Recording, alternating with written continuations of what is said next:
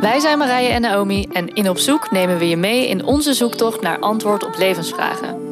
We interviewen experts over vernieuwende en eeuwenoude zienswijzen en hopen hiermee antwoord te krijgen op al onze vragen over gezond en gelukkig zijn. We hebben het over hypnose, Ayurveda, vorige levens, Reiki, cultural appropriation en nog veel meer onderwerpen waar je stiekem meer over wil weten, maar niet met iedereen over durft te praten.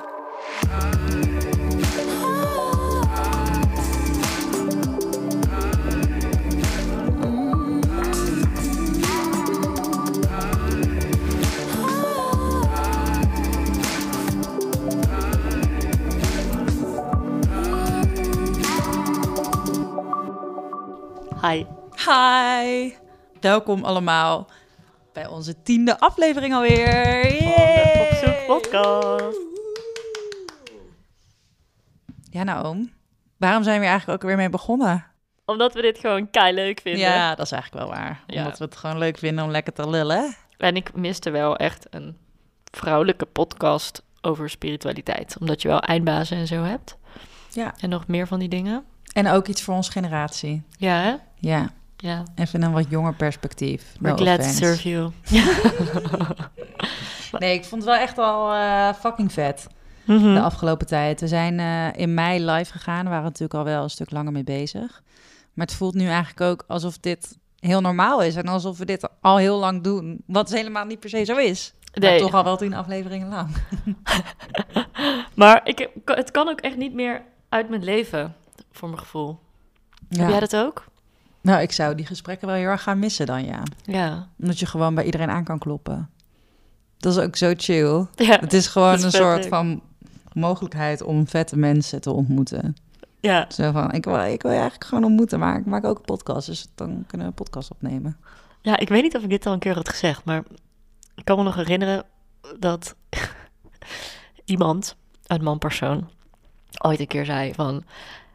Ja, van eh, alleen maar koffie blijven drinken met vriendinnen, weet je wel, eh, dan, dan krijg je geen succes. Waar die in principe natuurlijk ook gelijk in heeft. Want als je iedere dag koffie gaat drinken met een vriendin, dan zijn er ook uren die je kan werken, zeg maar. Het is niet zo handig. Jezus, sorry, maar ik ga dan het verhaal. Maar eigenlijk doen wij dat wel gewoon. Ja, zeker. Het zijn niet meteen vriendinnen. Of dat waren ze niet, maar meestal worden we wel vriendinnen. Voor dat anderhalf uurtje. Ja. Ja, en het is ook een soort van dat niet gewoon doen. rolmodellen of zo. Ja, precies het zijn dat. ook echt mensen die wel al helemaal hun ding hebben gevonden en dat helemaal ownen. Mhm, mhm. En dat vind ik wel ehm, sowieso vet inspirerend. Ja, ik hou ervan. Yes, me too. Ja, we willen gewoon experts aan het woord laten. Ja, precies. En heel erg de diepte ingaan over onderwerpen. Niet alleen spiritualiteit, ook gezondheid. En misschien gaan we in de toekomst ook meer business mensen interviewen. Toch? Daar hebben we het over gehad. Businessmensen. Wat zijn businessmensen? De CEO van Philips.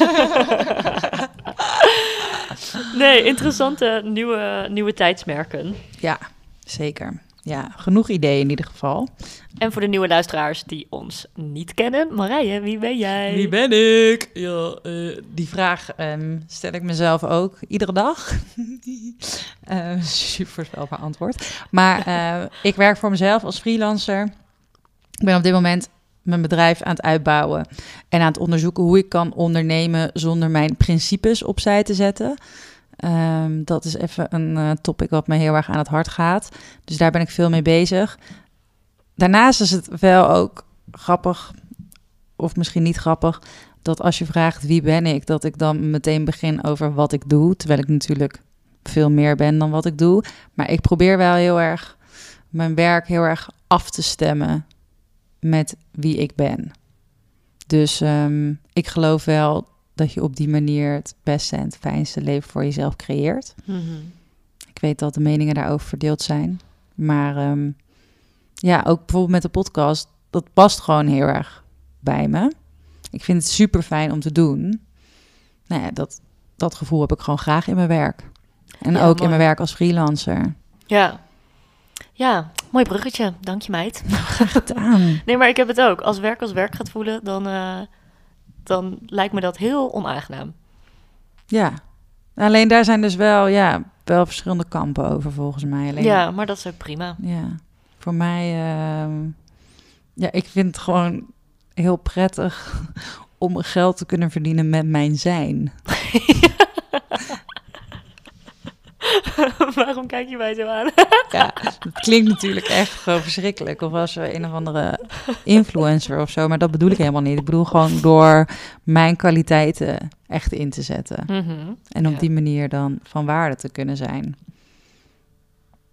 Ja. So, Such an that's the goal. quote. That's where we go in. That's where you going. Nou, wie ben jij dan? Wie ben ik dan? Ik ben Naomi van Ree. En natuurgeneeskundig therapeut. En ik heb mijn eigen praktijk waar ik één op één healings geef. En daar combineer ik verschillende technieken. Reiki, chakra balancing, Chinese geneeskunde en holistisch voedingsadvies. Tot zover dit reclameblok. Heel goed getimed. Ja. Intonatie on point. Ehm, nee, maar ik moest lachen wat je net zei. Omdat ik dacht, oh ja, ik herken dit heel erg. Dat ik gewoon mijn zijn helemaal in mijn, in mijn werk heb gestopt, zeg maar. Ja, hoe mooi is dat, toch? Ik geloof dus ook dat als iedereen dat zou doen, dat al die puzzelstukjes dan samen ons alles geven wat we nodig hebben. Ja, mooi gezegd. Hmm. Dat denk ik ook. Hmm. Oké. Goed, nu voor deze tiende aflevering een veel gevraagd onderwerp. Een spannend onderwerp. Een illegaal onderwerp. Ayahuasca. Ja. Oh ja, het is illegaal, hè? Dat Ja, want tijd. fucking illegaal. Ja, ik heb zelf in deze aflevering tussen de vragen door wat gedeeld over mijn persoonlijke ervaringen met ayahuasca. Ehm, Ben jij dan ook strafbaar? dat weet ik niet, dat is een goede Nee, vraag. dat denk ik eigenlijk niet. Omdat je het gedronken Ja. hebt. Nee, grapje. Nog nooit opgezocht. Nee, ik denk dat alleen de distributeur Ja, gedoogbeleid. of de, de Geen persoon idee. die het schenkt of zo. I don't know. Hebben we dan een crimineel geïnterviewd? Ja, en we hadden het gewoon ook echt nog urenlang kunnen hebben over de spirit van moeder ayahuasca. Ehm, dat komt wel even voorbij, maar dat gaat wel echt wat dieper. En ehm, dat is misschien ook wel leuk voor een volgende aflevering. En aan het einde van het gesprek hebben we het ook over dat ayahuasca je in contact brengt met een bepaald gevoel, wat er altijd al is. En Geke zegt zelf dat ze nu ook zonder ayahuasca dingen op cellulair niveau kan transformeren. En ik ervaar dat zelf ook en ook in mijn werk. En daarmee wil ik eigenlijk zeggen dat het niet per se nodig is om ayahuasca te drinken en dat we dat ook op geen enkele manier eh, ja, promoten of zo met deze aflevering, maar dat je gewoon zelf moet voelen of je je er aangesproken eh toe voelt en goed je research moet doen over waar je dan een ceremonie gaat doen. En we hopen dat Geke je informatie geeft ehm, om die keuze te kunnen maken. Geke is in ieder geval echt een super inspirerend mens. En En dus geen shamaan, sorry. Deze noob weet hier helemaal niks van af. Ik dacht dat alleen shamanen met ayahuasca mogen werken. mm, Turns out, not true. not true. Nou, Everybody can do it. ja, so let's go ahead. Ja, maar vond je haar leuk? Ik vond haar echt heel leuk. Ik vond haar echt fucking vet. Ook, Echt eh, amazing. Ik vind het zo tof om, ehm, ja, wat we eigenlijk net al zeiden, vrouwen te ontmoeten die gewoon zo erg doen wat bij hun past. Ja, Echt eh, mega sterk en warm tegelijk. ja. En ook al op de momenten dat het niet over ayahuasca Ja. ging, buiten het interview om, Ja. hing ik ook aan haar lippen. Ja, wij hebben echt alleen maar girl crushes of soort van woman crushes. Ja, ja, Tijdens deze opnames zit iedereen altijd echt zo aan te kijken. Oh, wow, vertel me meer. Ah, jullie hopelijk ook. Nou, veel plezier met deze aflevering. We zijn eh, bij Geken in het Hoge Noorden. Superleuk wel. Ehm, en ehm, sinds dat we zijn begonnen eigenlijk met de podcast... kregen we al best wel vaak de vraag... willen jullie alsjeblieft iemand interviewen over ayahuasca? Ehm, nou heb ik er zelf geen ervaring mee. Ik vind het mega interessant, maar ik ben gewoon nooit op een punt gekomen... ehm, dat ik dat wilde gaan doen. Ehm, maar Naomi wel. Dus ik zei, nou Naomi... Wie moeten we dan hebben als we dat gaan doen? Ja, en toen moest ik er heel lang over nadenken. Omdat ik dacht, ja... eh, ik heb natuurlijk bij de gewijde reis, waar ik jou van ken... eh, gereisd, zoals het dan heet. maar ik wilde eigenlijk niemand van die, van die organisatie. Niet omdat ik die organisatie vervelend vind, maar ehm, ja, dat voelde gewoon niet. En dacht ik, geken. en ik zal even uitleggen waarom. Omdat ik het heel erg interessant vind dat jij ook een psychologische achtergrond hebt. Mhm. En ehm, de ceremonie die ik bij jou heb gedaan tijdens de Zesdaagse, een paar jaar geleden in de zomer, die was ook heel fijn en mooi. En ja, ik had goede herinneringen aan jou. En toen Ja. dacht ik, volgens mij is dit een eh, mooi iemand om, eh, om te introduceren aan onze luisteraars. Ja, Ja. ja. leuk om te horen. Zeker. Ja. Ehm, dus misschien kunnen we dan gewoon even beginnen bij wie jij bent en Mhm. wat jij doet. Mhm, Oké.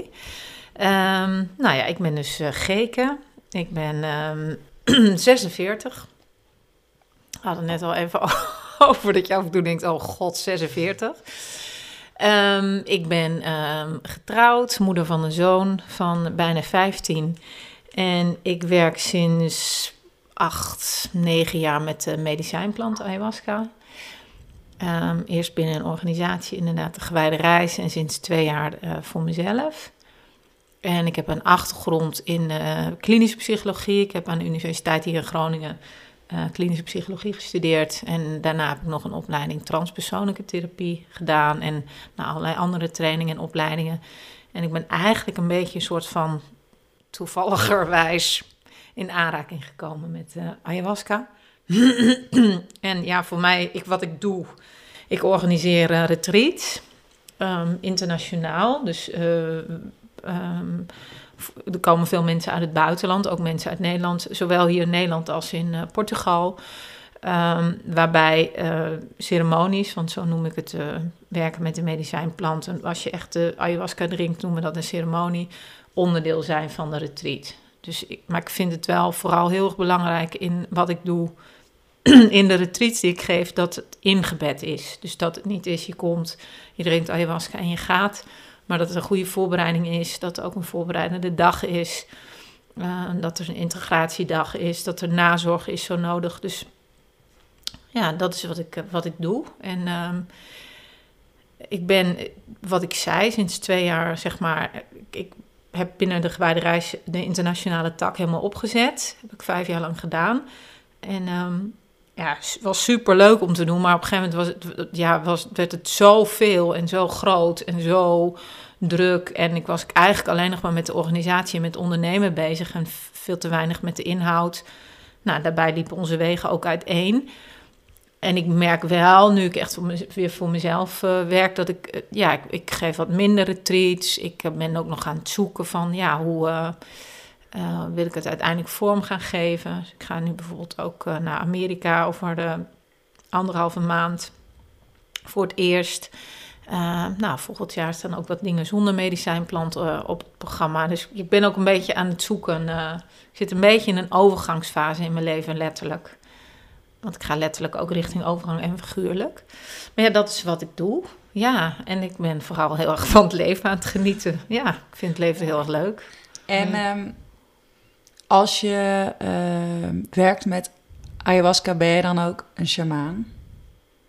Ehm, nou, voor mij ben je een shamaan als je uit de Amazone komt en van jongs af aan Ja, precies. Ja. opgevoed bent. En, Ja. Dus ik zou mezelf nooit een shamaan noemen. Ah, ja. Maar ja, er zijn ook mensen die zeggen... ja, de letterlijke vertaling van een, een, is een medicijn, man of vrouw. Zou ik mezelf nog steeds niet zo noemen, maar Ja. Ja, nee. Dus, Ja, ik, dus nee. je plaatst jezelf niet in dat hokje. Je zegt Nee. meer, ik werk hiermee, maar dat Ja. betekent niet, ik ben... Ja. Nee, dat, nee dat, dat, dat vind ik ook echt heel pretentieus als ik Mhm. dat zou doen. Dat, dat, ja, nee, dat vind ik niet passen.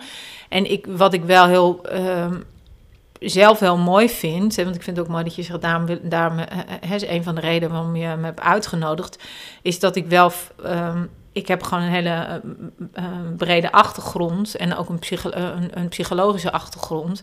En ik, ik werk wel echt op een meer westerse manier met de medicijnplanten. En dat, ja, ik vind dat wel heel mooi. Weet je, er is natuurlijk een hele traditionele manier van werken. En ja, die is fantastisch. Maar ik ben ja, wel op zoek op mijn eigen bescheiden manier, hè, om, een, om een meer westerse benadering, waarbij het, nou, wat ik net al zei, en, en echt ingebed is in je leven. Ja. Onderdeel is van een proces. En ja, we zijn- we hebben hier ook gewoon een andere manier van kijken, een andere manier van naar de psyche kijken dan bijvoorbeeld in de Amazone. Ja, mag ik daar iets over vragen? Ehm een van onze luisteraars vragen, en ook een vraag waar wij zelf mee eh, rondlopen, is cultural appropriation. Dus het, ge- het gebruiken van rituelen uit Mhm. andere culturen. Ehm, en misschien heb je de documentaire ook wel gezien die op Netflix staat, The Last Shaman. Mhm. Ehm, hoe kijk jij daar tegenaan ehm, van die dingen dus overnemen uit andere culturen? En ik vind het heel mooi wat je zegt, en dat heb ik ook zo ervaren bij de gewijde reis, is hoe de begeleiding is vooraf en tijdens en na de reis. Eh, ik zou er zelf niet aan moeten denken om in een hangmat in, in de jungle eh, uit Nee. een petfles cola ayahuasca te drinken. en dan tussen de slangen en de spinnen te zitten, zeg maar. Nee, en dat je nee. dat dan helemaal zelf uit moet zoeken.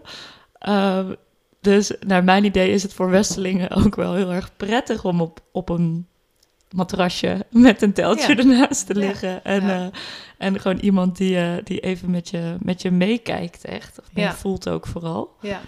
Ehm, ja, ik ben gewoon benieuwd hoe jij daar eh, tegenaan kijkt. Ja, nou ja, kijk, voor mij gaat. eh, ehm, ik vind het heel mooi als mensen eh, dingen uit de traditie gebruiken. Maar voor mij gaat het heel erg over, ja, leef je dat ook echt? Kijk, je kan wel, ja, noem, noem eens even een voorbeeld, gaan smutsen. Dus een ruimte met, met, met, met salie of met heilig oude reinigen.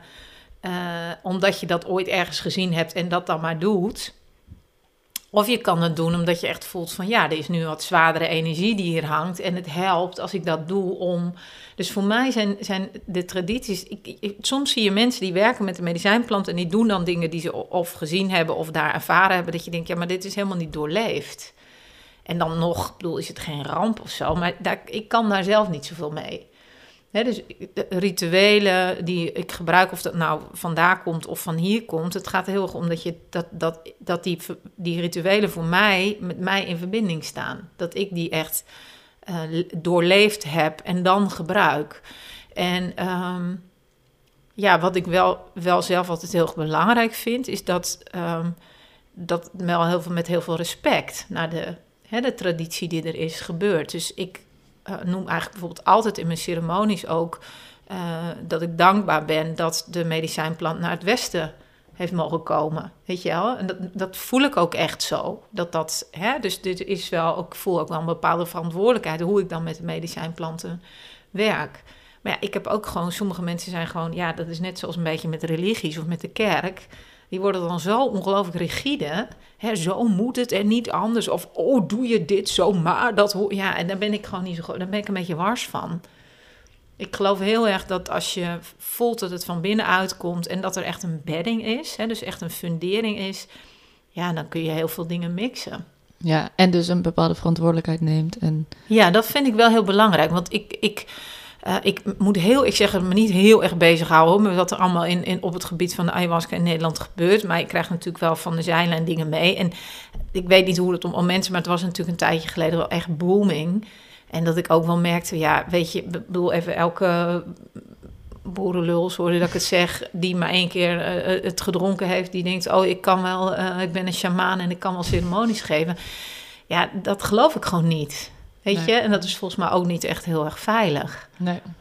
Dus ja, en het heeft ook met een bepaalde ja, rijpheid, denk ik ook wel. Ik kan nu echt wel over mezelf zeggen, weet je, ik ben 46. Ik heb gewoon echt veel levenservaring en ik heb gewoon een gedegen achtergrond. Ja, dus ik weet wel wat ik aan het doen ben. En, en waar het op. En sommige mensen hebben dat gewoon. Ik denk ook echt wel dat je een bepaalde basale kennis van de menselijke psyche nodig hebt om dit, in ieder geval hier in het Westen, eh, eh, ermee te werken. Ja. Ja, snap ik heel erg. Mooi, mooi antwoord. Ja. En ehm, voor onze luisteraars denken, ja, leuk ayahuasca, maar ik heb er heel veel van gehoord, maar ik weet eigenlijk helemaal niet echt wat het is. Misschien kunnen we even naar de basis van, wat is ayahuasca? Waarom drinken mensen dit? Vraag, dat ik, oh god, ja, hoe leg je dat nou Ja. uit? Maar oké. Ja, ehm, oh, en waarom drinken mensen? Nou, dat is ook niet 1, 2, 3 te beantwoorden. Ehm, het, wat, het, het is een, eh, wat ik zeg, een medicijn. Hè, want sommige mensen noemen het een druk. Nou, dat, drugs, daar ben ik het echt absoluut niet mee eens. Het is echt een medicijn. Het is een combinatie van verschillende planten waar een thee van uh, gebrouwen wordt. En dat drink je. Ehm, nou, wat ik al zei, met de gedegen voorbereiding. En dat is niet alleen maar geestelijk, maar ook... Hey, het is gewoon belangrijk dat je, dat je uh, gezond en goed eet van tevoren. En geen alcohol en geen, uh, geen drugs. En bepaalde medicijnen mag je ook absoluut niet uh, nemen in combinatie met de ayahuasca. Um, en als je het drinkt, als je het tot je neemt, dan kom je in een andere bewustzijnsstaat.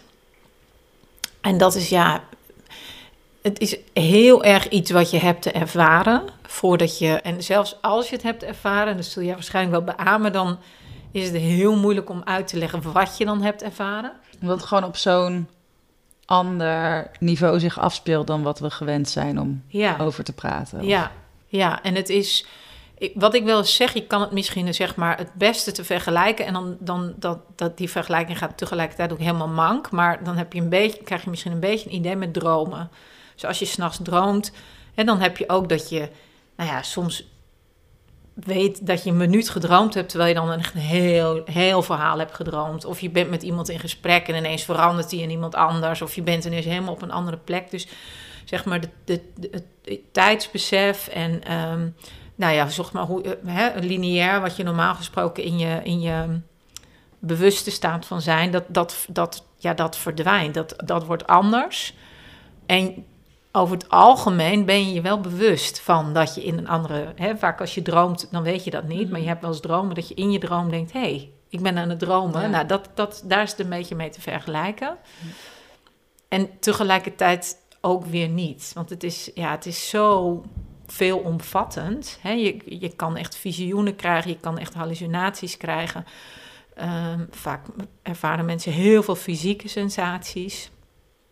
Variërend van echt misselijk zijn en purgen en echt je, je systeem reinigen tot ja, spanningen in je lijf waar je bewust van bent, die oplossen. Of uh, heel veel energie die begint te stromen.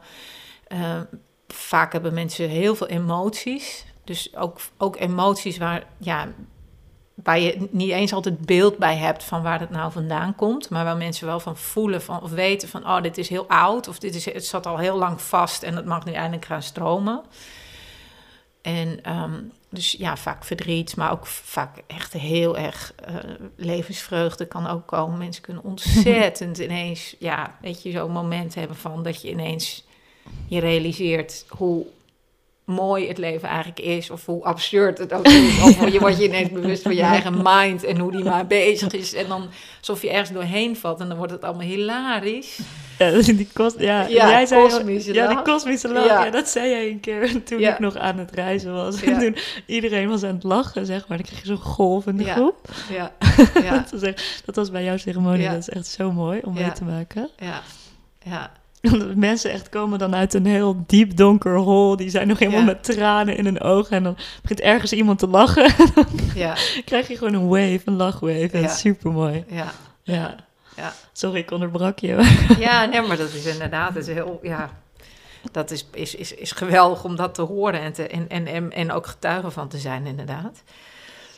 Ja, het is, het is een, een, een echt een, een ik, ja, ik noem het vaak een reis. Het is echt een reis naar binnen. Dus het is heel erg naar binnen gericht. Dus je wordt, heel, ja, je, wordt je gewoon bewust van, van, van bepaalde patronen. Eh, sommige mensen krijgen hele, ehm, ehm, eh, hoe zeg je dat, hele profound, ik weet even het woord niet in het Mhm. Nederlands, maar he- inzichten over zichzelf of hoe ze naar de wereld kijken. Ehm, ja, het is, het, is, het is vaak echt een soort katalysator in een proces waar mensen al mee bezig zijn. En het is heel erg hartopenend. Bijna iedereen die ayahuasca drinkt, die, die krijgt op een gegeven moment krijg je een moment in je ceremonie. En wat jij ook zegt, ook al ben je dan soms door hele donkere, dat je ineens voelt. En dat, dat je ook voelt, ja, ik ben gewoon met alles en iedereen verbonden. Ja, want dat Ja. heb ik inderdaad ook wel. Ik heb het dus zelf nooit gedaan, maar wel gewoon verhalen gehoord van mensen die het dan wel deden. En wat er heel vaak uitkomt, is een soort van gevoel van eenheid Ja. van alles. Ja, ja, Ja, en ik Ja. had, ik weet nog dat ik, eh, volgens mij was ik toen 22 of zo, denk ik. Toen las ik in NRC een reportage en daar stond, eh, het ging over ayahuasca en er stond, het staat gelijk aan een jaar therapie. ja. Ehm, en toen dacht ik, nou, daar wil ik naartoe. Lekker efficiënt. Ja. nou, we gaan we gewoon meteen diep. Ehm, zie jij dat ook zo? Ehm, de- ja, het, het is niet zo dat dat voor iedereen zo geldt. Maar ja, het is, het is ehm, ja, ik denk zelfs wel soms twee jaar therapie. ja, omdat het, omdat, ja, je, je gaat voorbij een bepaalde laag waar je soms in therapie, helemaal met therapie waarin je veel praat, gewoon niet komt. Om, om, ja, hoe- ik het eh, ervaren heb zelf, maar ook bij heel veel mensen die ik heb begeleid, is dat bepaalde beschermingsmechanismen die in het dagelijks leven heel erg spelen, alsof die wat meer op de achtergrond gaan. En dan niet op een manier dat, hè, want je, je, je kan je natuurlijk ook situaties voorstellen dat die ineens helemaal verdwijnen en dan kom jij uit je ceremonie en dan denk je, holy fuck, wat is er nu gebeurd? En dan moeten ze heel hard weer, het, op een hele subtiele manier gaan ze wat meer naar de achtergrond, eh, waardoor je bij delen en stukken komt, ja, waar je anders gewoon niet bij komt. En het, wat ik ook wel bijzonder vind, want soms hebben mensen heel helder van, oh, dit, dit, bepaalde inzichten of bepaalde ehm, perspectiefverandering over zichzelf en soms ook niet. En dan toch zeggen ze, ik heb ook wel eens mensen die zeggen, nou, wat dit nou was, ik was echt alleen maar in, in de war en beelden, ik snapte er helemaal niks van, helemaal, nou, dat, dat, is, ook, hè, dat is ook vaak verwarrend, hè, na afloop, want je psyche en je mind wil daar meteen van alles van maken. En als je dat dan tijd geeft, als je ook tegen hen zegt, goh, geef maar geef, neem maar je rust en, en, en vertrouw er maar op. Dan is het vaak, het is na een week of twee weken mailen of even bellen en zeggen, nou, ik voel me zo anders. Ik voel me zoveel lichter. Ik weet eigenlijk niet wat er nou gebeurd is, maar... Dus, ja, omdat het en- dus niet altijd op, op, inderdaad een mindniveau Nee, werkt, nee, maar op een nee. andere laag. Ja. En dat vind ik zelf ook wel heel mooi aan, omdat ik. Kijk, er wordt nu heel veel onderzoek naar gedaan en dat, dat, dat vind ik ook echt fantastisch. En daar ben ik ook echt heel blij mee. Maar ik ben zelf bijvoorbeeld helemaal niet een onderzoeker. Ik vind het eigenlijk helemaal niet zo interessant hoe het nou precies werkt. Maar ik zie wel dat het werkt. En dat er mensen zijn die wel aan het onderzoeken zijn hoe het werkt, vind ik echt fantastisch. Want ik denk echt dat er veel meer mensen baat bij, eh, bij kunnen hebben. Maar ja, ik vind dat ook wel een soort iets, de magie. Hè, van dat je, dat je, ja, ik weet eigenlijk niet precies wat er Ja, nou waarom gebeurd moeten we het allemaal weer proberen helemaal te begrijpen en te ontleden en weet ik wat. Ja. Ja. Ik heb die behoefte zelf Ja. niet. Nee, nee. En ehm, we raakten net al een beetje aan het stukje van waarom je het zou drinken. Ehm, Nou, jij zei al, ja, het stond gelijk voor een jaar therapie. Meteen ingeschreven. maar wat is daarin, eh, wat is daarin jouw ervaring?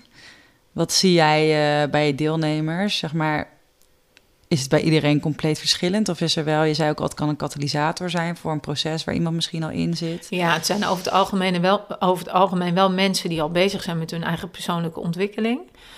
Ehm, meest generale, eh, f- generale, ik weet niet of dat een woord is, maar het algemeen wat je hoort is dat mensen zeggen, ja, er is, ik mis iets. Er is een soort, ik kan niet echt van het leven genieten of er is een bepaalde, ja, alsof er een soort sluier overheen hangt. Eh, ik kom niet echt bij wat ik nou wil en wie ik nou ben. Dat is meer heel algemeen. Dus een soort van, ja, ik ben eigenlijk ben zoekende. Nou, ik denk dat er echt ontzettend veel mensen zoekende zijn eh, op het moment.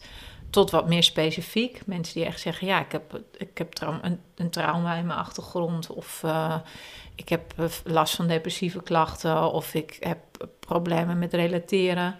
Dus ik, het, het- ja, ik kan niet goed contact maken eh, met mezelf of met anderen. Ehm, ja, dus het is heel eh, variërend. Ja. En wat ik wel altijd heel mooi vind, hè, wat jij ook zegt, het is. Mensen hebben er nog nooit van gehoord en dan ineens lezen ze iets en dan gaat er iets aan of zo. Dat je ineens denkt, hé. Hey. En, dan, en ik heb ook vaak mensen die zeggen, oh, ik heb eigenlijk al vier jaar geleden voor het eerst van gehoord. En toen dacht ik al, en nou ja, toen verdween het weer een beetje naar de achtergrond. En nu ineens, en nu ineens hoor ik weer allemaal mensen om me heen die hebben het gedaan. Of die hebben een ceremonie gedaan. Of ik lees een artikel in de krant. Of ik lees een boek. En dan ineens, is, en dan voelen ze ook van, ja, dit is het moment. Ja. Ja, daar hadden wij het in de auto al over. Dat Marije zei, eh, dat sommige mensen dan zeggen van... eh, je hoort de roep. Ja. ja. Je wordt geroepen door moeder ayahuasca. Ja. ja, maar het is echt zo. Want ik weet nog dat ik om mijn 18 een vriendinnetje had die uit Peru kwam. En die had zelf niet gereisd, maar een reisgenootje van haar was gegaan. En toen ging het echt het ene oor in en het andere oor uit. Ja. En een paar jaar later weer een keer. En toen, ja, ik was dan best wel jong, maar ehm, dat echt een paar van die pinpoints waren. Ja. En toen dat artikel in de NRC was echt... eh, eh, ja, ik studeerde ook journalistiek, dus ik dacht, nou, als de NRC erover schrijft, dan, dan gaan we gewoon. Journalistiek onderzoek. ja. En hoe is het op jouw pad gekomen? Mm. Nou ja, dat is ook wel weer grappig. Ik vind het altijd wel een grappig verhaal. Ik, ik ehm, eh, had Lars en Tanja ontmoet van de Gewijde Reis. Eh, daar danste ik mee samen en ik wist helemaal niet waar zij mee bezig waren. En op een gegeven moment ontdekte ik dat ze met ayahuasca werkte. En dat vertelde ik aan mijn man.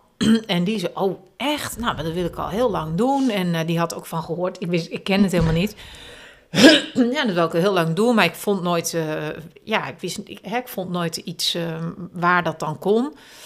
Dus die was meteen helemaal enthousiast. Dus die had geregeld dat hij een individuele ceremonie ging doen met een van de begeleiders daar.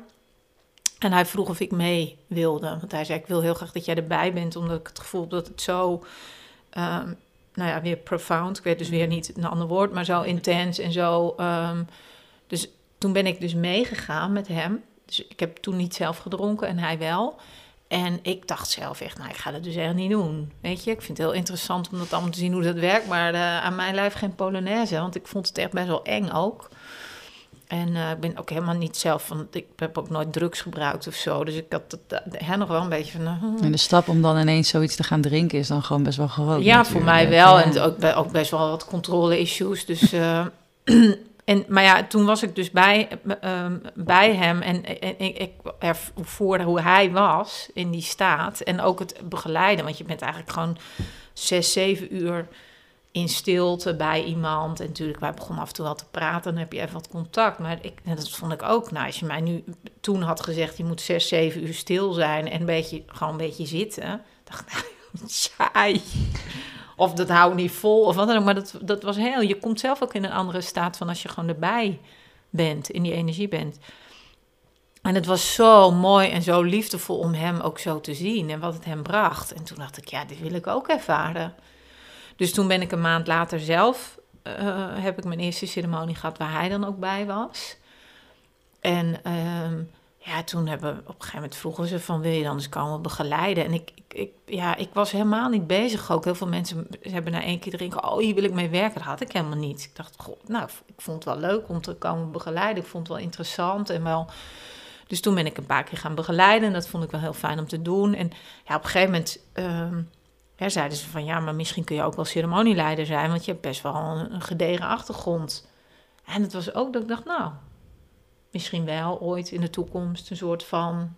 Ja, weet je, ik was niet heel... eh, Want op dat moment werkte jij als psycholoog? Of? ik was in, op dat moment tussen twee banen in. Ah, ik was toen ook, eh, Jesse was ook nog vrij klein, mijn zoon. En eh, ik had in een maatschap gewerkt als, als therapeut en daar was ik mee gestopt. En ik was niet overspannen, maar ik zat wel een beetje te, tegenaan.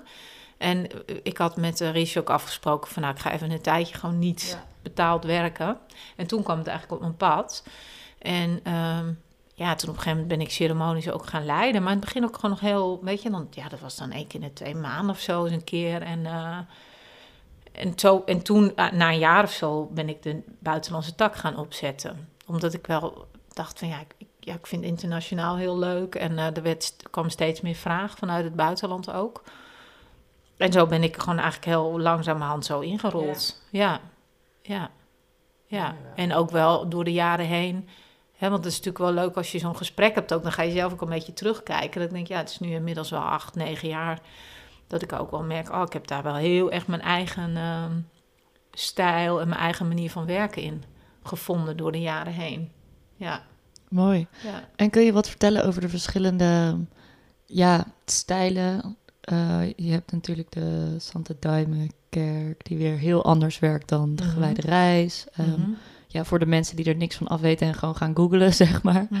Zou je daar iets over kunnen vertellen? Hoe jij bijvoorbeeld werkt en wat misschien dingen zijn die je hebt gezien of hebt gehoord van... Ja, dat, ik weet niet zo heel veel van hoe andere eh, organisaties werken, heel eerlijk gezegd. Ik weet van de Duimenkerk wel, omdat een, eh, een vriend, collega van mij daar actief is. eh, ja, dat is echt meer religieus gericht. Dat is dus ook echt een kerk waarin het heel erg gaat over gaat ook wel over interne processen en over proceswerk, maar dat is ook heel erg gericht op. ehm, hoe, hoe, hoe, hoe heet het woord nou? Ja, op, op contact met spirit en met eh, door middel van de plant dat je het contact met spirit maakt. Dus dat is daarmee op gericht. En wat ik weet is dat daar ook veel met zang en met dans gewerkt wordt. En sommige mensen, die, die heel veel mensen, ik heb daar hele positieve verhalen over gehoord, maar ook wel mensen die zeggen, ook ik vind het wel heel strikt. Dus je moet aan bepaalde, eh, hè, de- nou ja, het is een beetje zo en niet Ja, anders. Nou, Blijven sommige zitten mensen, of uh, dansen. Precies, ja. Ehm, en ehm, ik, ja, ik, er is gewoon zoveel aanbod op het moment. Dus ik, dat, dat, ja, ik, ik raad mensen ook altijd aan. Kijk gewoon, ga googlen, zoek op websites. Eh, de meeste mensen die voor het eerst bij mij komen, die, die kunnen ook gewoon een, een, als ze dat willen, een Skype-gesprek of een telefoongesprek met me hebben. Omdat ik, ik vind het gewoon heel belangrijk dat je een goed gevoel hebt, dat je het gevoel hebt dat het klikt. En ik, als dat gevoel er niet is, dan ook helemaal oké. dan ga dan op zoek naar wat wel past. Ehm, en dat raad ik mensen vooral heel erg aan. Want ja, ik, en, wat ik wel belangrijk is, is dat het wel ingebed is. Maar als je het de eerste keer gaat doen, kijk, als je vaker ehm, ayahuasca gedronken hebt, dan is het denk ik prima. Eh, als je zegt van nou, ik ga gewoon ergens heen en we hebben een, een, deelronde van een uur, anderhalf uur en dan ga ik meteen de ayahuasca drinken. Maar helemaal als je het nog nooit gedaan hebt, dan zou ik wel echt een setting aanraden. Zoals ik bijvoorbeeld aanbied, maar er zijn wel meer die dat zo aanbieden. Met dat je echt wel een voorbereidende dag ook hebt. En dat is omdat je dan, ehm, nou ja, mij kan leren kennen, mijn team kan leren kennen, de groep waar je mee gaat reizen leert kennen. En dan kan je systeem gewoon alvast wat ontspannen. En wat, kijk, dat je helemaal je meteen veilig voelt en ontspannen. Ja, volgens mij is dat niet te doen. Moet je ook helemaal niet van jezelf vragen. Maar wel min of meer voelt van, hé, hey, dit is voor mij wel een plek waar ik kan openen, waar ik kan ontspannen. Want dan kan de plant gewoon veel dieper werken. Want ik heb ja, toch ook wel regelmatig van mensen gehoord die naar een setting gaan waar, waarbij dat niet is. En die dan, ja, dat, dat juist je angst die je voelt heel erg versterkt wordt. En dan, ja, dan kan de plant ook niet diep met je werken. Ja, ik heb dat een keer ervaren. Ja, Ja. mijn laatste, laatste reis was ergens in een yurt Ja, in het oosten van het land. En ik, had toen, ik was even helemaal klaar met het hard dancing en eh, ja. zeg maar die voorbereidingsdagen. Ehm, dus ik dacht, oh, ik wil ergens naartoe waar, waar we dan wel een uurtje sharen van tevoren. Maar ik had echt een beetje het idee dat die mensen gewoon zelf Indiaantje aan het spelen waren. En ik heb ook niet echt gereisd, zeg maar. Ik voelde echt dat er een soort van hand op mijn Ja. Hoofd was. Ja. Eh, en ik ben gewoon niet echt, eh, Nee, nee, ja. ja. Nou ja, en dat is heel mooi dat jij dus blijkbaar hè, dan in staat bent om dan daar niet... Maar ik, je hoort ook wel eens mensen die dan wel gaan drinken... en bijvoorbeeld heel erg in, die, in de angst terechtkomen... omdat ze voelen van ik moet niet dieper, want het is niet veilig. Ja. En, en de plant is wel met je aan het werk, dus dan kom je in een soort struggle terecht. Ja, dat is gewoon echt niet fijn. ja. Maar mooi dat jij dat zo hebt kunnen ervaren van... nee, dit, dit, dit is niet iets waar ik dan diep... Ja, en dat zijn dan Ja. dus de verhalen die je hoort van mensen van Ja. psychotisch. eh, Ja, nou ja, of, of, eh, dat kan. Psychotisch is, is dat, dan dat, dat gebeurt niet heel snel hoor. Want dan moet je daar al wel aanleg voor hebben. Maar vooral dat je echt heel erg angsten tegenkomt. ja. Dus dat het meer. Het, uiteindelijk is het heel erg openend voor je systeem. Maar dat het op zo'n manier werkt dat je systeem eigenlijk maar meer. eh, ja, in, in contractie, dat is ook een werkwoord voor, maar ik weet even het werkwoord niet. Dus nog meer sluit, zeg Mhm. maar. En dat, ja, dus ik raad echt wel aan, ook als je op zoek bent naar, een, ja, neem gewoon contact op. Eh, eh, eh, hè, als, je, als je voelt van nee, ik wil echt ook even van tevoren bellen met iemand. Ja, en iemand zegt dan bijvoorbeeld, ja, dat doen we niet aan. Ja, en dat voelt niet goed. Ja, zou ik er gewoon niet heen gaan. Nee. Ja, want ik merk wel dat dat ook wel iets is wat mij, ja, ik, weet, ik zou niet zeggen dat het per se tegenhoudt of zo, Mhm. maar dat wel de eerste verhalen die ik hoorde was wel zo van, vooral ook heel erg over die, dat zwarte, zeg maar, weet je Mhm. wel, over, Mhm. eh, ja, je komt echt je demonen tegen en je moet heel veel kotsen en een soort van, weet je wel, zo van alsof je dus vrijwillig door een soort hel gaat. Weet je wel, zo, en pas de mooie verhalen heb ik echt pas veel later gehoord. Dus ik dacht eigenlijk van, oh, het is eigenlijk altijd best wel zwart. En je hebt dan geluk als het Mhm. ehm, dat niet is. Ja. En dan denk ik, dan krijg Ja. ik het gevoel van, ja, waarom zou ik dat dan gaan doen? Ja. Terwijl ik wel begrijp Ja. waarom, maar. Dan voelt het een beetje alsof Ja. ik veel, als je vrijwillig van eh, een brug afspringt. of zo. ja. Ja, precies zo, ja. Ja, nou kijk, ehm, ook dat, dan is setting en ook wel visie weer heel erg belangrijk. En hoe je kijkt. Want ik geloof wel dat het heel ehm, ehm, ehm, goed voor je kan zijn als je je demonen tegenkomt. En heel helend kan zijn. Maar het gaat wel om hoe werk je daar dan mee? En, hoe, en jij noemde bijvoorbeeld ook al. Kijk, ik vind het dus heel erg belangrijk dat, en, en, en dat zijn, ik, ik kies echt heel zorgvuldig ook de mensen uit waar ik mee werk in mijn team, dat je eh, kennis hebt van de psyche van de mens, maar dat je ook vanuit je, ja, echt vanuit je eigen ervaring weet hoe je iemand hebt te benaderen, ook als iemand in de ceremonie zit. Dus als iemand heel erg angsten tegenkomt en die demonen, en de uitnodiging is juist om daar dan contact mee te maken, maar dat is soms alleen maar mogelijk als je iemand hebt die gewoon echt bij jou is. En dat je voelt van, hé, hey, er is iemand, uh, they got my back. En dan kan je dat aan. Als je in een setting bent waarin je voelt van, er is geen bedding, dan ga je daar niet naartoe. Natuurlijk denk je dan, dag. Dus je, het is heel belangrijk dat, je, dat er een bedding is. En ik, en ik bedoel, ik, de, inmiddels... Hè, ik, bedoel, ik ben helemaal niet iemand die altijd van alles van mezelf of van de, van de daken schreeuwt. Maar daar ben ik echt heel goed in. Ja. Ik kan echt heel goed een bedding creëren. En dat, ik, ik weet niet eens altijd precies hoe ik dat nou doe. Maar ik weet wel dat het echt een van mijn kwaliteiten is.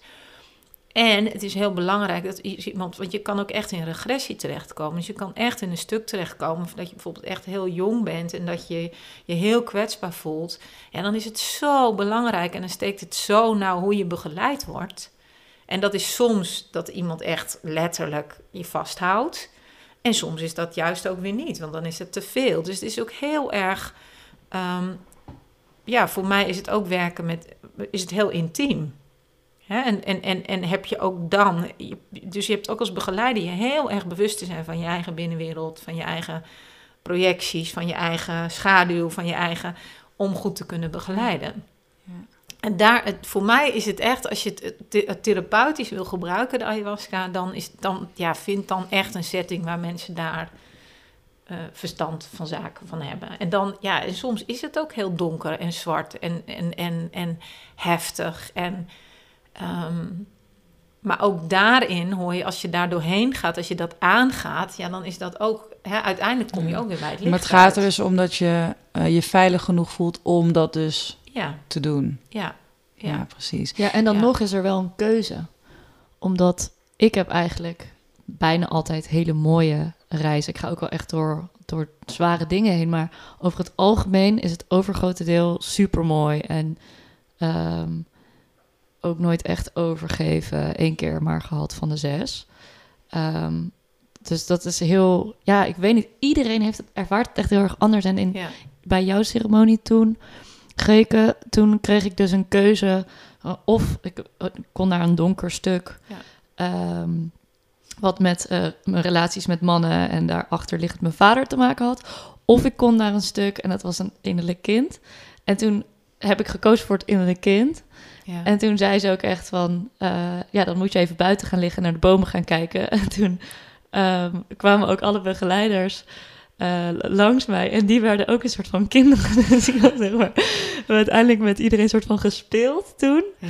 En het Ja. was echt een super mooie. En de vogeltjes en de bomen praten. En, Ja. um, en toen heb ik een, een reis daarna, uh, een jaar daarna, dan ben ik naar dat donkere stuk gegaan. Ja. Toen je En- ook voelde dat...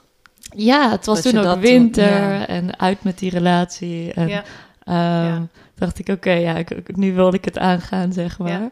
Ja. En toen, eh, ja, dus dat heb ik ook ervaren. Dat je heel vaak ook wel zelf ehm, niet kan sturen, maar misschien er- ermee werken. Is dat een, een correcte omschrijving? ja dat, dat kan. Maar en, en soms is het ook niet zo. Want Ja. Ik heb dit vaker gehoord, hè, dat mensen echt een keuze krijgen. Bijvoorbeeld ook letterlijk, een, dit is een deur als je daar doorheen gaat. En dan, en dat ze dan, en dan kan het dus ook heel goed zijn om dan dus te zeggen... nee, ik durf dat nog niet, ik wil dat nog niet. En dat mensen daarna dan voelen... Oh, voor het eerst in mijn leven ben ik niet ergens doorheen gedouwd, maar... Dus dat Oh ja. klopt wat je zegt. En soms krijgen mensen ook gewoon geen keuze. Dan is het een soort. Maar wat ik, wat ik echt heel belangrijk vind, en dat is ook waarom ik met planten werk, en dat is eigenlijk ook altijd als ik hierover praat met mensen, is dat het, het, is, het, het, is, het gaat nooit richting destructie. Het is nooit gericht op. Het is altijd gericht op. Op, op, op Een les op leren heling, ja. op liefde, Ja. op, op, op. En soms pak je echt hè, mensen het gevoel dat je ze letterlijk, letterlijk bij de kladden grijpt en bam, en nu ga je het aan. En bij een ander zal ze veel meer milder zijn of de keuze geven of... Dat is echt verschillend. Maar bijna altijd is het ook dat mensen achteraf zeggen... ja, dat klopte wel heel erg bij mijn proces ook. Ja, ja, ja. Ja. als je iemand bent die natuurlijk de hele tijd je eigen proces uit de weg gaat gedurende je leven al, of zoals ik ben best wel streng voor mezelf. Ja. Dus heb ik juist altijd heel Ja. erg die zachte benadering Ja. gehad van doe maar rustig. Ja. Ja, De wereld is mooi Ja. en lachen. Ja. En, Oh ja, interessant, ja. ja. Ik heb eigenlijk nog twee vragen. Mhm. Nee, nog wel meer hoor. Maar ik wil ze gewoon alvast even zeggen. Ten eerste ben ik heel erg benieuwd wat het jou dan heeft gebracht. Mhm. Omdat het natuurlijk hè, zo geleidelijk op je pad is gekomen en zo. Mhm. Dus ja, wat, wat heb je zelf geleerd? En ook, eh, je ziet dus van alles Mhm. en dan, zeg maar. Een beetje meer ook de integratie, weet je wel. Wat, Mhm. wat doe je met die lessen Mhm. die het je Ja. leert? Oké. Ja, wat heeft het mij gebracht? Ehm,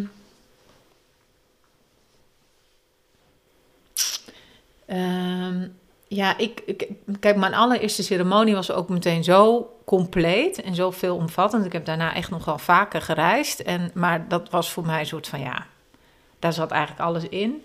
En wat daar, wat heel ehm, essentieel was, is dat ik, dat ik echt tot in mijn cellen, echt, of het voelde letterlijk tot helemaal in mijn kern, voelde, ik ben gewoon helemaal goed zoals ik ben.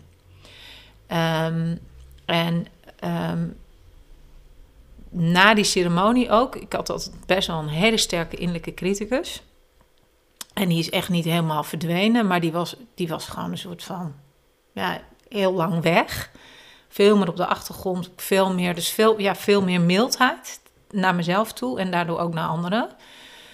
Ehm, en het heeft me ook wel echt geleerd. Ik was altijd al wel heel erg bezig met eh, het volgen van mijn hart. En ehm, ehm, ja, niet zozeer vanuit ratio en hoe het hoort.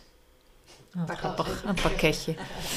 Ehm, maar dat, dat, ja, het heeft me echt geholpen om, om nog veel meer vanuit mijn hart. En ik vind hè, in, in, in het Frans ook courage betekent ook hart. Hè? Dus courage is hart. Om veel meer vanuit mijn hart en van, met ja, moed. Ook al is het soms hartstikke tegen de stroom in. Of doe ik dingen waarvan andere mensen denken: nou ja, die is niet goed bij de hoofd. Ehm, waar ik altijd best wel gevoelig voor was, ja, daar heb ik gewoon niet meer. Ik voel zo van ja. Ja, dus een heel, heel, heel groot gevoel van vrijheid heeft het me gegeven. Ja, en dan vooral intern. Ja, Het klinkt wel echt iets als wat iedereen wel zou willen. Toch? ja, Het is wel echt ja, ook ja. wat je zegt, dat het dus dat het je dus raakt tot in je kern. En ik denk zeg Ja. maar dat hele gegeven van je bent goed zoals je bent, dat Ja. als je dat echt kan voelen, Ja.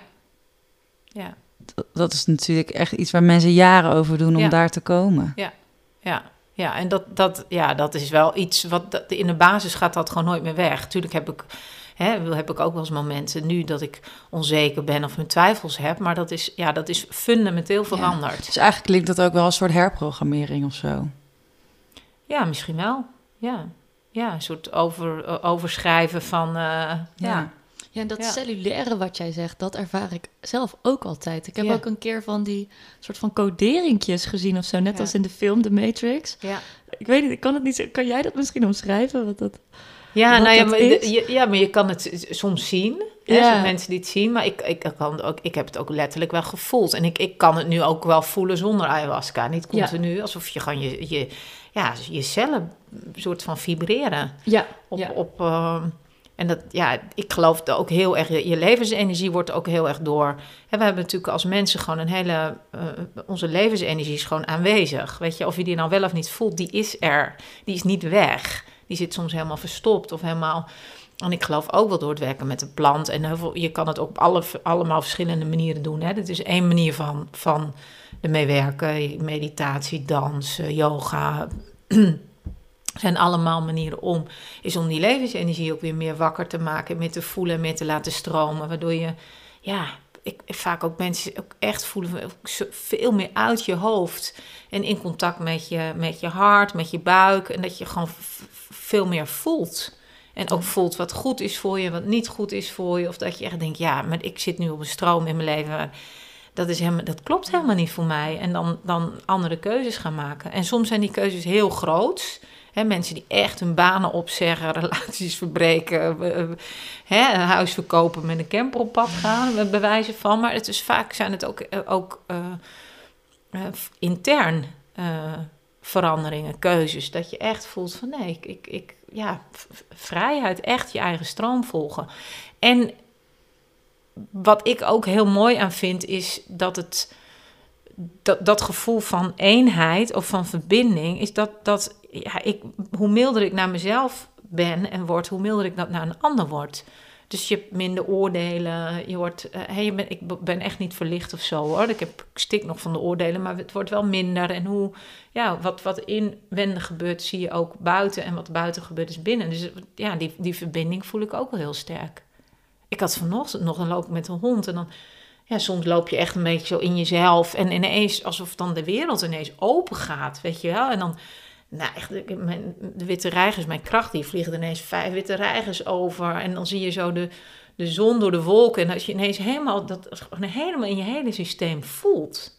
Weet je, dan, dan, ja, dat je dan ineens ook denkt, oh, ik kan wel huilen van, zo mooi is het. Ik, had dit, ik had dit moment echt afgelopen weekend of zo, had ik zo'n gevoel... Ja voor het eerst echt op die manier of zo. Ik zat op de fiets en ik was eigenlijk best wel moe, maar ik had al, ik had dingen gedaan die ik heel leuk vond en ik ging dingen doen. En ik was een heel weekend even alleen en ik ging voor een bruiloft een tekening maken en een brief schrijven. En ik was daarvoor naar de kunstenaarswinkel gegaan en helemaal zo in mijn element daarmee of zo. En toen fietste ik zo door de stad en ineens kwamen er echt zo van die tranen. En dat ik dacht wow ik voel nu zoveel dankbaarheid of zo, weet je wel, voor alles wat hier is. Ook soms, ik woon dan in de stad en soms kan ik dan heel erg haten op de stad en op de fietsers en whatever. Maar ineens had ik zoiets van, oh, het is hier eigenlijk ook gewoon zo fijn en mooi en, ja. nou ja. Ja, en dat, dat, en ik geloof dus dat als, wanneer je een ceremonie doet, dan kan je daar heel erg mee in contact komen, dat gevoel. Maar dat is er altijd. Ja dus, en het is niet 24 uur per dag en dat hoeft ook helemaal niet. Want volgens mij word je dan ook net gek, weet ik niet hoor. Maar dat hoeft ook helemaal niet. Maar wel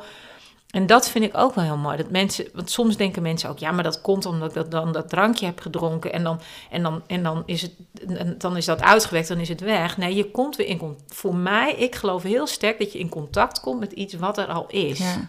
Dat zegt toch ook over liefde, zeg maar. Soms denken we dus dat, dat liefde iets is wat we van de ander krijgen. Maar eigenlijk opent het iets in jezelf. Dus de liefde die je voor een ander voelt, dat is jouw liefde. Ja, precies. Ja, ja, ja, mooi. Ja, ja, dat is een mooie vergelijking. Ja, ja. het was een van onze luisteraarsvragen. Um, hoe zorg je ervoor dat die inzichten die je krijgt, of het gevoel wat je dus kan hebben tijdens de ceremonie, uh, hoe dat je dat ja, kan integreren of langer vast kan houden? Want zij omschreef uh, ja, dat soms zo snel weg. Mhm. Gaat dan weer. Heb je daar tips voor? Ja, nou in ieder geval niet heel krampachtig proberen het vast te houden, want dan dat, dat werkt niet. Um, wat voor mij heel erg is dat je gewoon heel bewust uh, leeft. Momenten op de dag neemt waarop je weer contact maakt met. En voor de ene is dat dus mediteren. Voor mij is dat als ik met mijn hond wandel of met, ik, ik doe het met dans. Maar kijk, op het moment dat je een hartstikke drukke baan hebt en alles en iedereen moet van de hele tijd van alles. En, en dan ga, ga je even zo'n weekend doen en daarna, hup, stap je gewoon weer in de red race. Is het zo weer weg. En vaak is het, um, weet je ergens wel van binnen wat jij nodig hebt om in contact te blijven met. Als ik stress heb, kan ik niet in contact komen met dat gevoel wat ik vanochtend had. Dat heb ik gewoon niet. Dan zit ik alleen maar in mijn hoofd te bedenken dus voor mij is het heel belangrijk dat ik weinig stress heb. En heb ik mijn leven zo ingericht dat ik ook weinig stress heb. Ehm, ja, en daar heb je dan dus voor te zorgen. En wat ik wel aanraad bij mensen is, ja, de overschrijven helpt. Dus sowieso over je ervaring, maar ook daarna gewoon blijven schrijven. Elke dag even een stukje in een dagboek schrijven, weer eh, eh, teruglezen kan ook helpen. Maar vooral momenten van rust ehm, en balans aanbrengen in je leven. Want dat is, dat is vaak wat, wat mensen ontzettend missen. Ehm, en ja, ik heb echt af en toe mensen die, die, die dan... Ik, ik geef nu zelf geen individuele ceremonies, maar die willen dan een individuele ceremonie komen doen. Maar die, die wonen dan in het westen, maar die willen al niet naar het noorden komen, want dat, dat past niet in hun drukke schema. En dan denk ik, joh, dan moet je het gewoon niet gaan doen. Grappig. Ja, het is echt best wel extreem. Of je naar Amsterdam kan komen of zo. Ja, en, en het, het- hè, maar zo, dan denk ik, joh, nou oké, ik bedoel, ieder zijn ding. Ja. Maar het, het, het, het, ehm, ja, en ik, kijk, je wordt heel, ik zeg ook altijd, je bent vaak heel, je bent heel erg open na een ceremonie, dus voel nou gewoon goed wat jou voedt. Letterlijk, met voeding en met, met, met m- hè, wat je eet en drinkt, maar ook, ook omgevingen.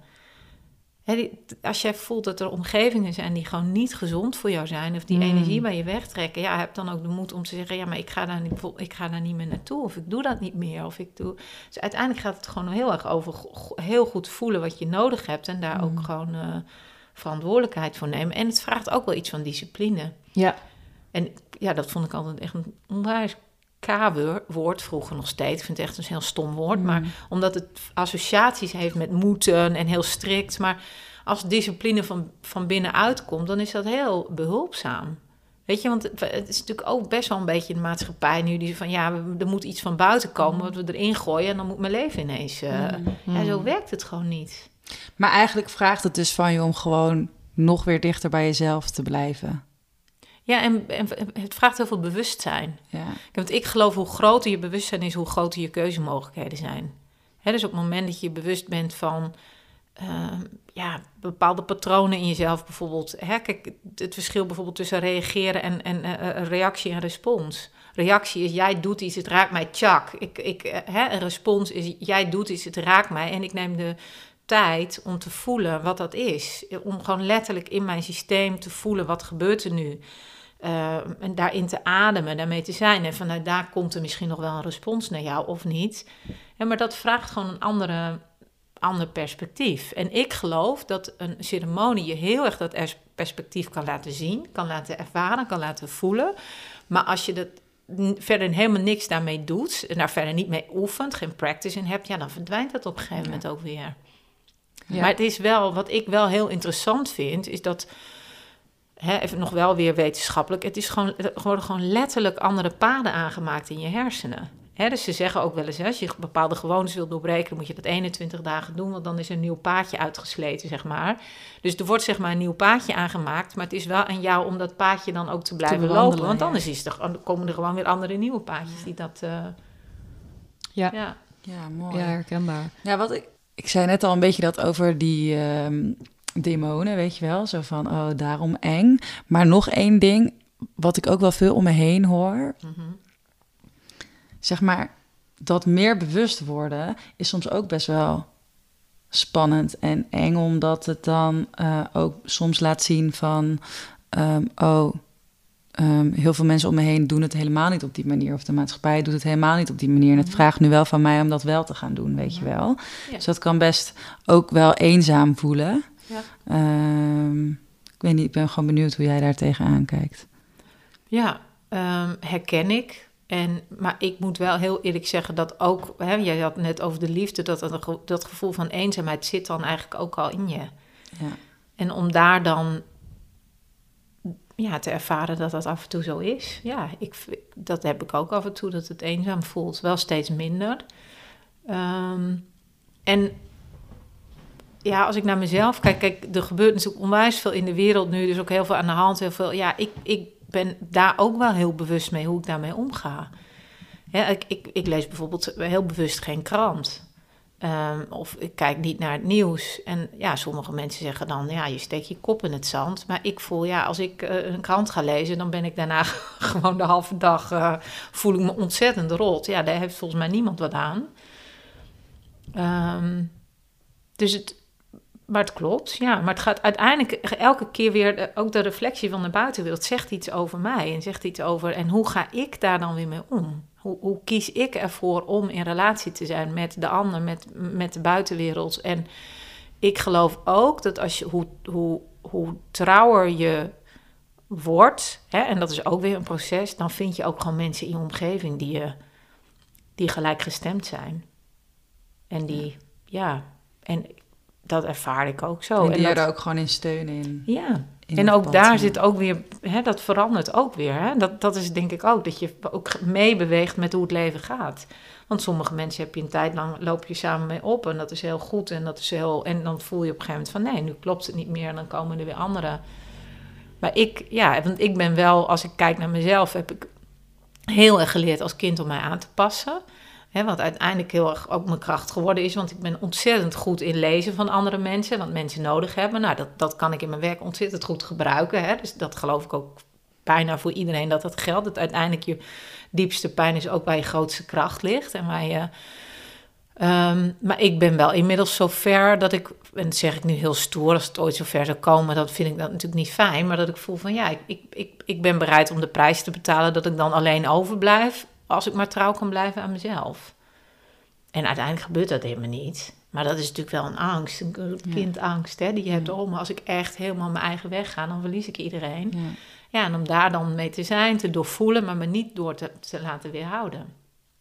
Ja, Mooi. ik weet eigenlijk niet Ja. of ik nu antwoord heb gegeven. Heel erg, zeker. Ja. Ik zat ook nog na te denken over dat geen krant lezen en geen nieuws kijken. Ik doe dat ook niet meer, maar consumeer wel op andere manieren nieuws. Ja, En ik voel daar zelf heel erg bij van ja, ik, niet zo van kop in het zand. Ik hou mijn blik wel open voor het leed in de wereld of zo. En op deze manier door de podcast te maken en praktijk Precies. thuis en jij in jouw werk geef je toch op een andere manier Ja. terug en ben je ook echt wel bezig met ja, eh, de wereld een beetje mooier maken. ja. Maar daar Ja. geloof ik dus heel erg in. Ja, en dat je de krant dan niet per se nodig hebt. Nee. Ja. En ik denk, wat kun je... Je hebt ook mensen die zitten dan op de bank de hele dag te bedenken... hoe verschrikkelijk het eraan toe is in de wereld. Of die hebben daar de hele dag met iedereen over.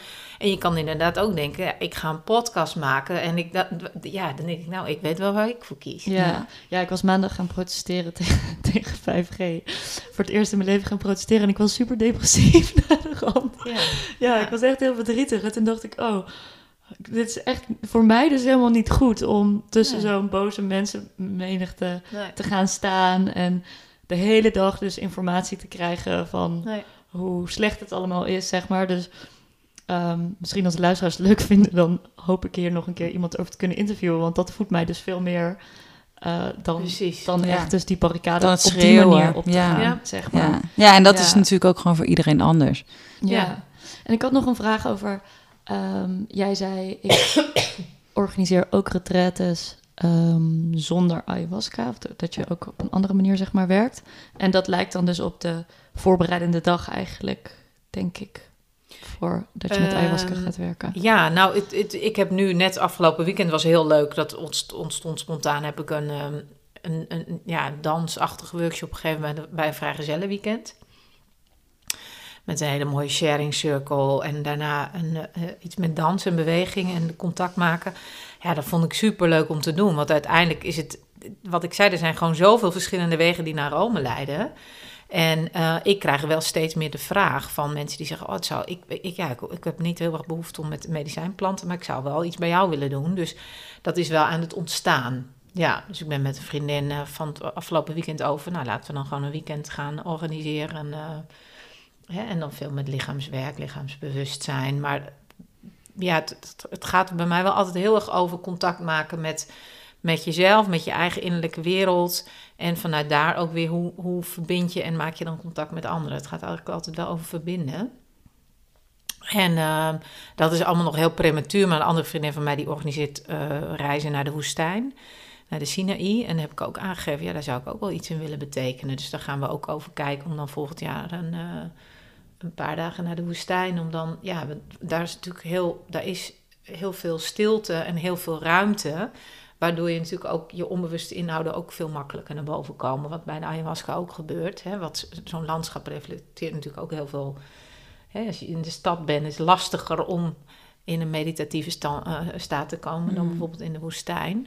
Plus dat die energie daar fantastisch schijnt te zijn. Dus dat zijn wel dingen waar ik mee bezig ben. Ja, ja. Ja. mooi. Want jij zei ehm, dat je dus zonder ayahuasca ook dezelfde inzichten kan krijgen en ervaringen kan hebben. Dat heb ik zelf dus ook ervaren. Daarom heb ik nu al twee jaar geen Nee. ayahuasca-ceremonie meer Ja. gedaan. Omdat ik er dus, toen ik 23 was, dacht ik... Oh, dit kan alleen met ayahuasca. En Ja, eh, nee, iedereen aan de ayahuasca. Nee, Maar nu eh, ja, voel ik ook dat dat dus per, niet per se hoeft. En, ehm, maar dat je gewoon wat korter dan een reisje maakt. Of een één Ja. inzicht krijgt in plaats van eh, 24. En dat Ja. je dus nog Of moet gaan, 4000. her- gaan herschikken, zeg maar. Van, Ja. eh, wat is er Ja. nou eigenlijk gebeurd in Ja. de acht uur? Ja. Ja.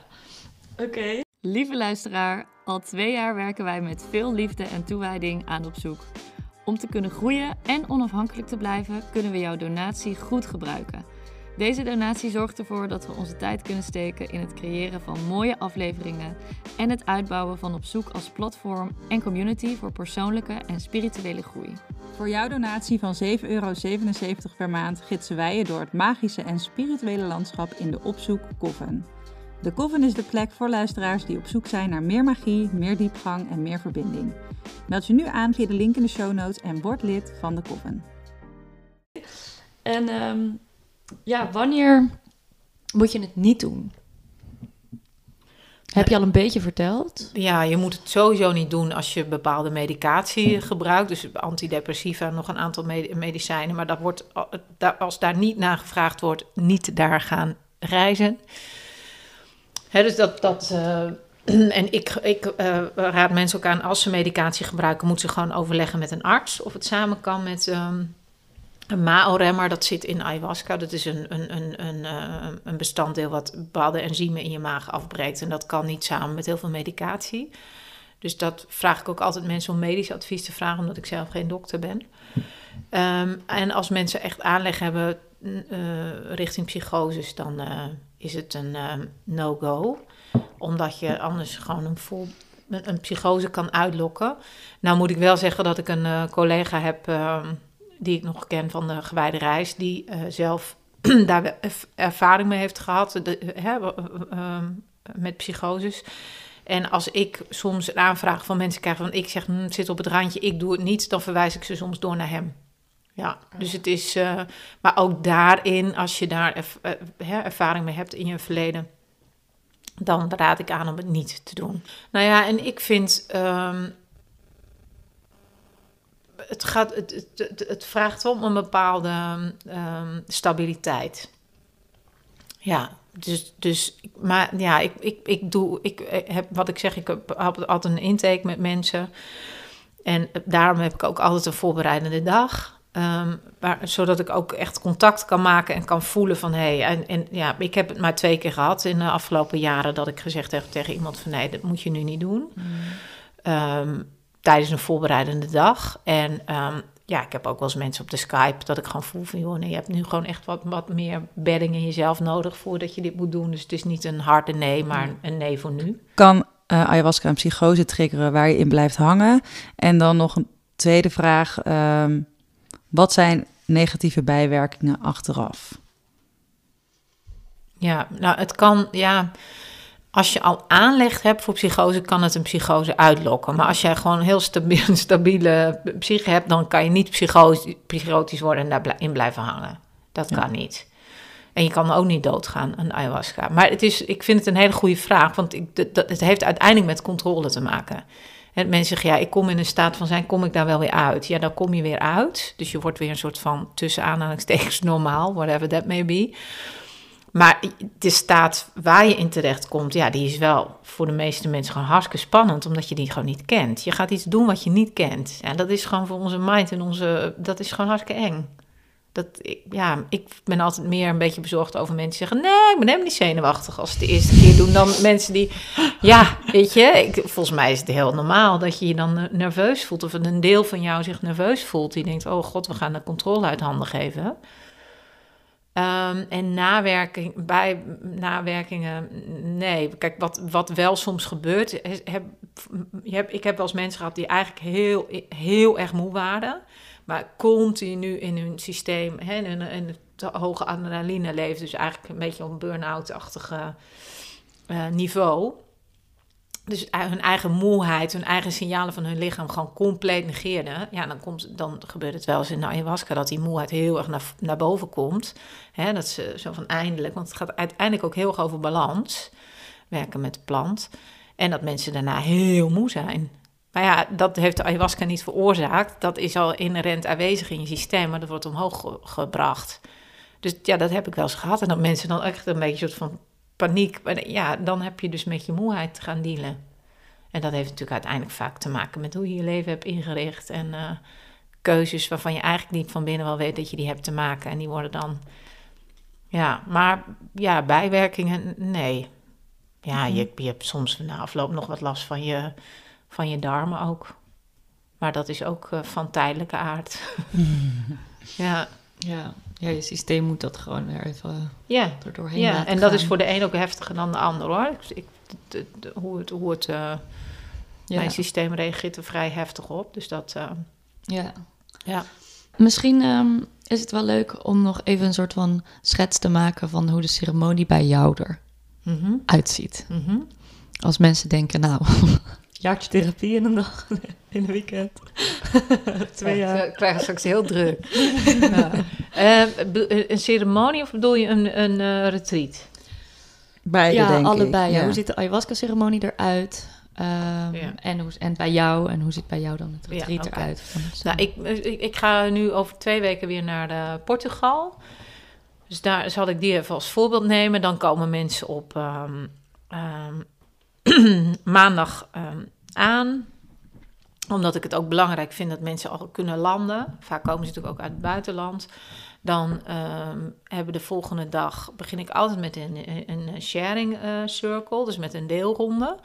Ehm, en, en ja, dat, sommige mensen vinden dat heel ongemakkelijk. Maar uiteindelijk, als die sharing geweest is, zijn mensen, oh wat is dat fijn. Omdat je, eh, wat het doet, is dat je je realiseert dat wat jij van binnen voelt, waarvan je heel vaak het idee hebt, nou, ik ben de enige in de hele wereld die zo idioot denkt, of die dit soort gedachten heeft, of dit soort, dat je dan eigenlijk voelt van, ja, maar daar ben ik helemaal niet alleen in. Dus ja, het is, het is heel erg uitnodigend. Mensen stellen zich vaak ook heel kwetsbaar op eh, in de deelronde. En dat, ja, dat maakt ook, dat, daar, daar maak je het ook veilig. Ehm, en dan heb ik altijd iets van dans of beweging. Ehm, om ook echt meer uit je hoofd in je lichaam al te komen. Ehm, maar dat combineer ik ook wel met... eh, ik werk veel met de voice dialogue. Nou, dat kan een hele, hele uitzending op zich. Zouden we daarover kunnen maken. Dus als mensen daar iets over willen weten, moet je even googlen. Maar dat gaat heel erg over dat je verschillende delen... verschillende energieën in je hebt. Dus, en dat vind ik een hele mooie vorm ook... om, ook om in de ceremonies te gebruiken. Dus dat doe ik dan vaak ook al in de workshop met de dans en de beweging. Doe ik daar wat mee. Dus dat je al wat meer zicht krijgt op van... hé, hey, hoe, hoe kan ik nou naar mijn eigen innerlijke wereld kijken... En ik doe ook altijd een eh, verbonden ademsessie. Omdat dat ook al je systeem echt opent. Voor sommige mensen is dat net zo intens en net zo diepgaand als een ceremonie soms. Eh, ja, dat is heel erg door je adem. Doordat je echt gewoon dieper en verbonden gaat ademen, worden, worden gewoon blokkades eh, aangeraakt, kunnen transformeren. En het is ook een hele mooie manier om aanwezig te blijven in je lichaam. En wat ook heel fijn is om ter voorbereiding op de ceremonies. Nou, dat is eigenlijk al een hele intense dag. En dat is eigenlijk al een hele ceremonie op zich, die dag. En dan heb ik nu in Portugal hebben we de, heb ik twee ceremonies. Dus dan heb ik één ceremonie heb ik overdag. En de tweede ceremonie doen we in de avond-nacht buiten.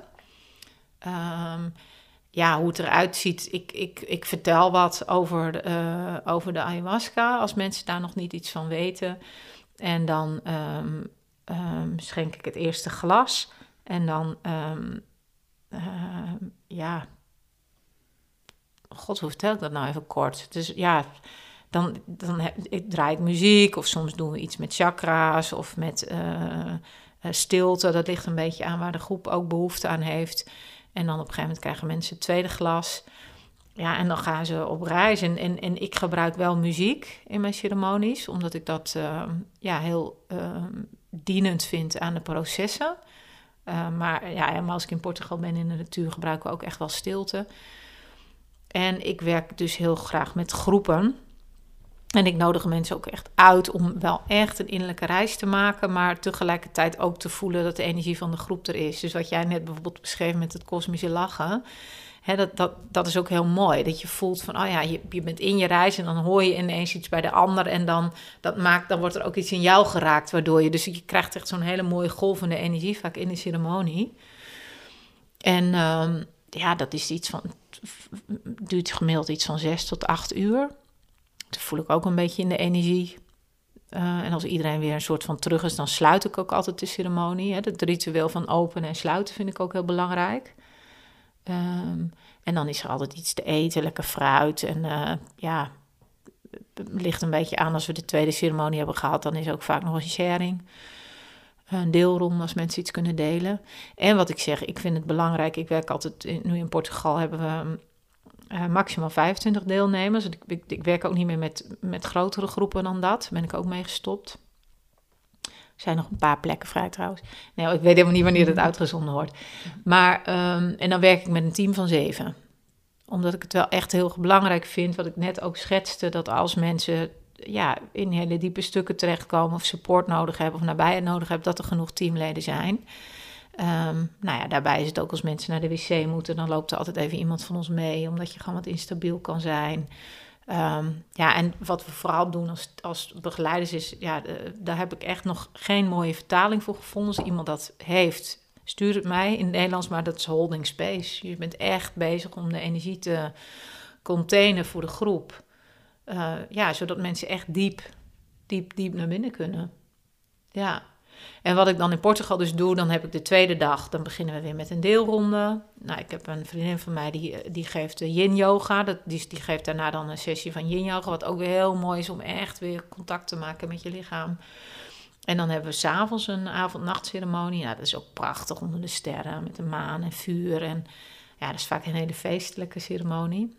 Niet voor iedereen trouwens, maar uiteindelijk voor de meesten wel. En dan heb ik de laatste dag um, hebben we ook weer uh, iets met dans en beweging. En een integrerende ademsessie. En dan sluiten we ook af met een deelronde.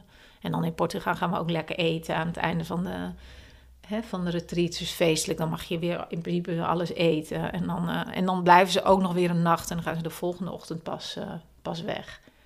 Dus dat vind ik ook belangrijk, dat er gewoon ook wat, dat de vertraging ook zit in het programma. Dus het is wel intens, maar ik vind het ook erg belangrijk. Dus wij komen als team bijvoorbeeld ook altijd drie dagen voordat de deelnemers komen, zijn wij daar als team. Om ook al helemaal in de vertraging te gaan, om te landen, om aan te komen, om ook onze processen te delen. Dus we, hebben, we, we zijn echt al heel erg bezig om daar een bedding te creëren voor als de groep komt.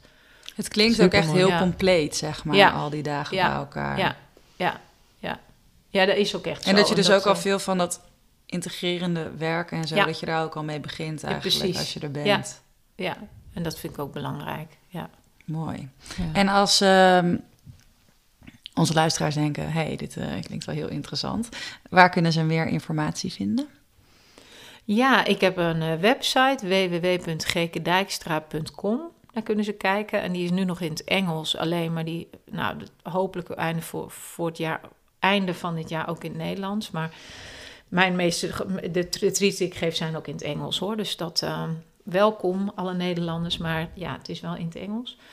En op Facebook kun je me vinden, gewoon Geke Dijkstra. En op Instagram, Geke Dijkstra. Ja, maar ja, de website staat de meeste informatie.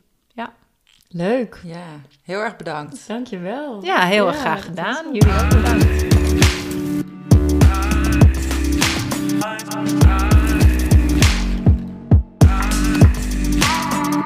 Wow, wat een verhaal, jongens. Ik ben heel benieuwd hoeveel van jullie nu zo thuis zitten van... Oeh, ja, dat zou ik misschien toch wel een keer willen proberen. Ehm, ik ben namelijk best enthousiast geworden door het verhaal van Geke. Ik vind het wel nog steeds heel spannend. En ik zeg niet dat ik het op korte termijn zou doen. Maar ik sluit het ook niet helemaal uit. Omdat ik wel geloof dat het je heel veel kan brengen. Dat hebben we nou ja, net natuurlijk allemaal gehoord. Naomi, wat vond jij ervan? Vet leuk. Ik had toen jij vroeg van, oh ja, zullen we een aflevering over ayahuasca doen, omdat er heel veel vragen over binnenkwamen, dat ik in eerste instantie een beetje dacht, oh, een beetje klaar met daarover praten of zo. Maar uiteindelijk ben ik heel erg blij dat we het hebben gedaan. en ik denk dat het heel erg waardevol is voor mensen die... ehm, ja, het is best wel zoeken naar een speld in een hooiberg voor mijn gevoel... als je gaat googlen erover. Dus ehm, daar ben ik heel blij om. En wat ik nog belangrijk vind om te eh, zeggen... en dat is meer een beetje vanuit mijn eigen professie... is dat eh Geke vertelde ook al dat sommige mensen door een burn-out... zich naar de rand heel erg moe kunnen voelen na ayahuasca. En ik zou iedereen adviseren dat... ehm, als je daar al mee rond hebt gelopen met een burn-out of er tegenaan zit en je, je bent van plan om ayahuasca te gaan drinken, laat je dan even bij een Chinees geneeskundige of een andere holistisch therapeut die goed kan voelen hoe het met je nierenergie is. Ehm, ja, doormeten of ga gewoon op consult. Omdat eh, ayahuasca ook een detoxer is voor je hele systeem. En het gaat eerst door je lever en daarna moet je, moeten je nieren dat weer afvoeren. En dat is eigenlijk de reden waarom je er zo moe van wordt. En ehm, dat wil je eigenlijk gewoon niet, want de energie die moet er wel zijn om het proceswerk te kunnen doen. Dus dat is even nog een extra dingetje wat ik wel belangrijk vind om te vermelden. Ehm, want ik herkende het ook, wat Geke zei. Nou, thanks Naoom voor jouw eh, wijze inzicht